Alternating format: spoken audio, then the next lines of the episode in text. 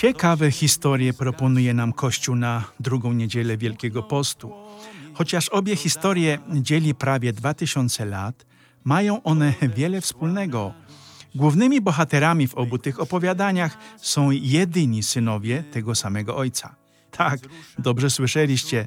Jeden z synów żyje około 1800 lat przed narodzeniem Chrystusa, ma około 37 lat i jest jedynym dzieckiem swojego ojca. Drugie opowiadanie, zapisane w Ewangelii, ma miejsce aż 1800 lat później i około 37 lat od narodzenia Chrystusa.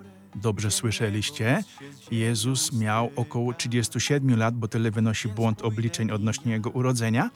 I bohaterem tego opowiadania jest też jedyny syn, a ojcem jest ta sama osoba. Żeby było ciekawiej, obie te historie łączy zawsze to samo pytanie: czy to było konieczne? Więcej w dzisiejszym podcaście, do którego serdecznie Was zapraszam.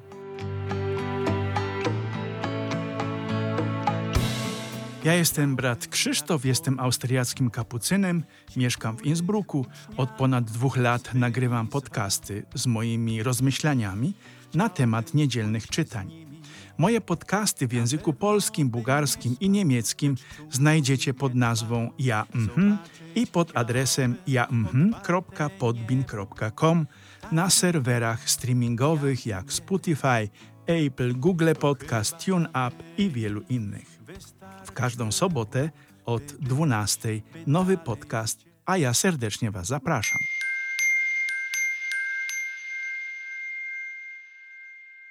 Mam nadzieję, że Was zaintrygowało to, co powiedziałem na wstępie.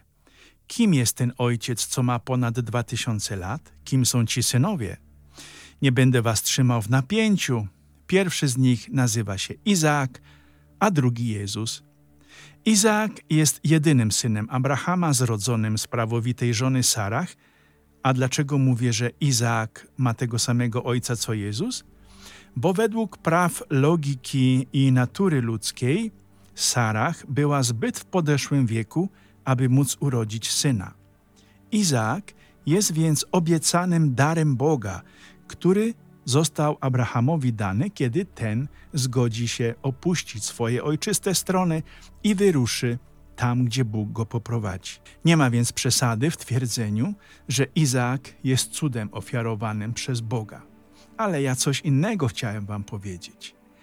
Pierwsze, że Izaak nie był dwunastoletnim chłopcem, jak mnie uczono na katechizmie i jak ja sam uczyłem dzieci. Izaak był dorosłym mężczyzną, kiedy wyruszył ze swoim stuletnim ojcem Abrahamem do góry Moria, na której Abraham miał złożyć ofiarę ze swojego jedynego syna, bo Izmael za sprawą Sary został już oddalony. Izaak oczywiście nie miał pojęcia, że jest żertwą ofiarną, dopóki ojciec nie kazał mu się położyć na kamieniu. Egzegeci Pisma Świętego mówią, że Izaak miał widzieć wtedy otwarte niebo, podobnie jak święty Szczepan podczas kamienowania. To dlatego Izaak zamiast krzyku rozpaczy o życie woła do Abrahama Akedach, ojcze. Akedach znaczy wiązać, czyli miał Izaak mówić do ojca: Ojcze, zwiąż mnie. Izaak widział niebo, jak później apostołowie w czasie przemienienia pańskiego na górze Tabor, o którym słyszymy w dzisiejszej Ewangelii.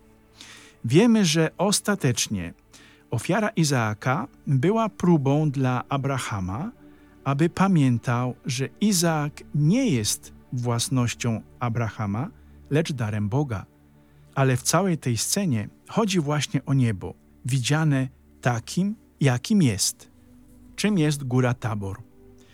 Jest ona spotkaniem z żywym i prawdziwym Bogiem i Królestwem Niebieskim.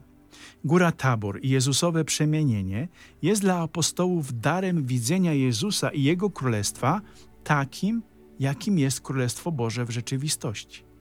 Oni mieli okazję doświadczyć niewidzialnego widzialnie.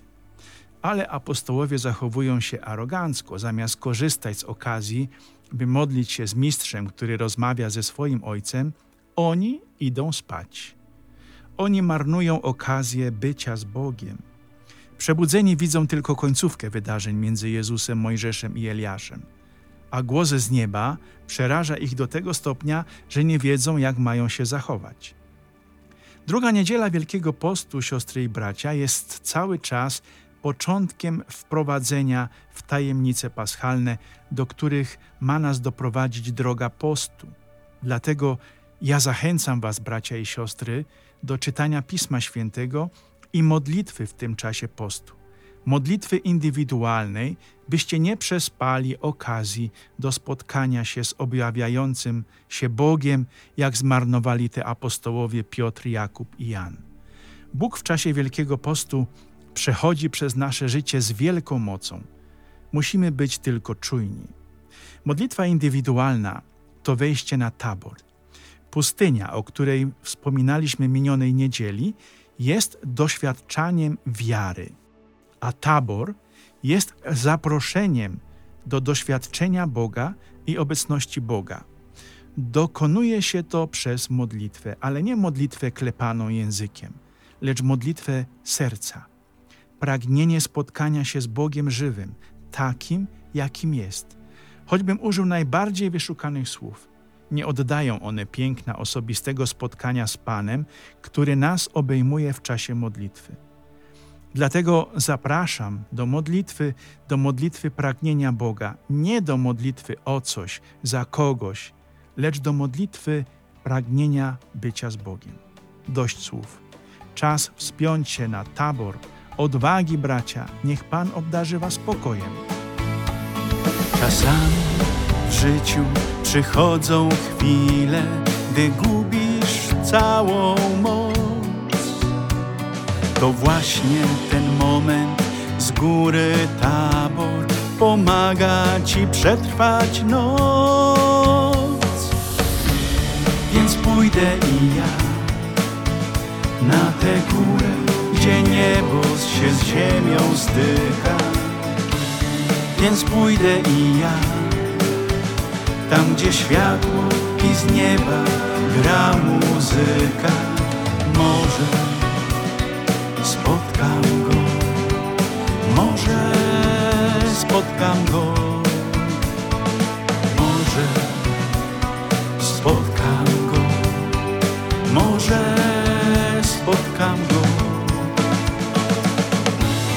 Więc pójdę i ja na tę górę, gdzie niebo się z ziemią styka. Więc pójdę i ja tam, gdzie światło i z nieba gra muzyka.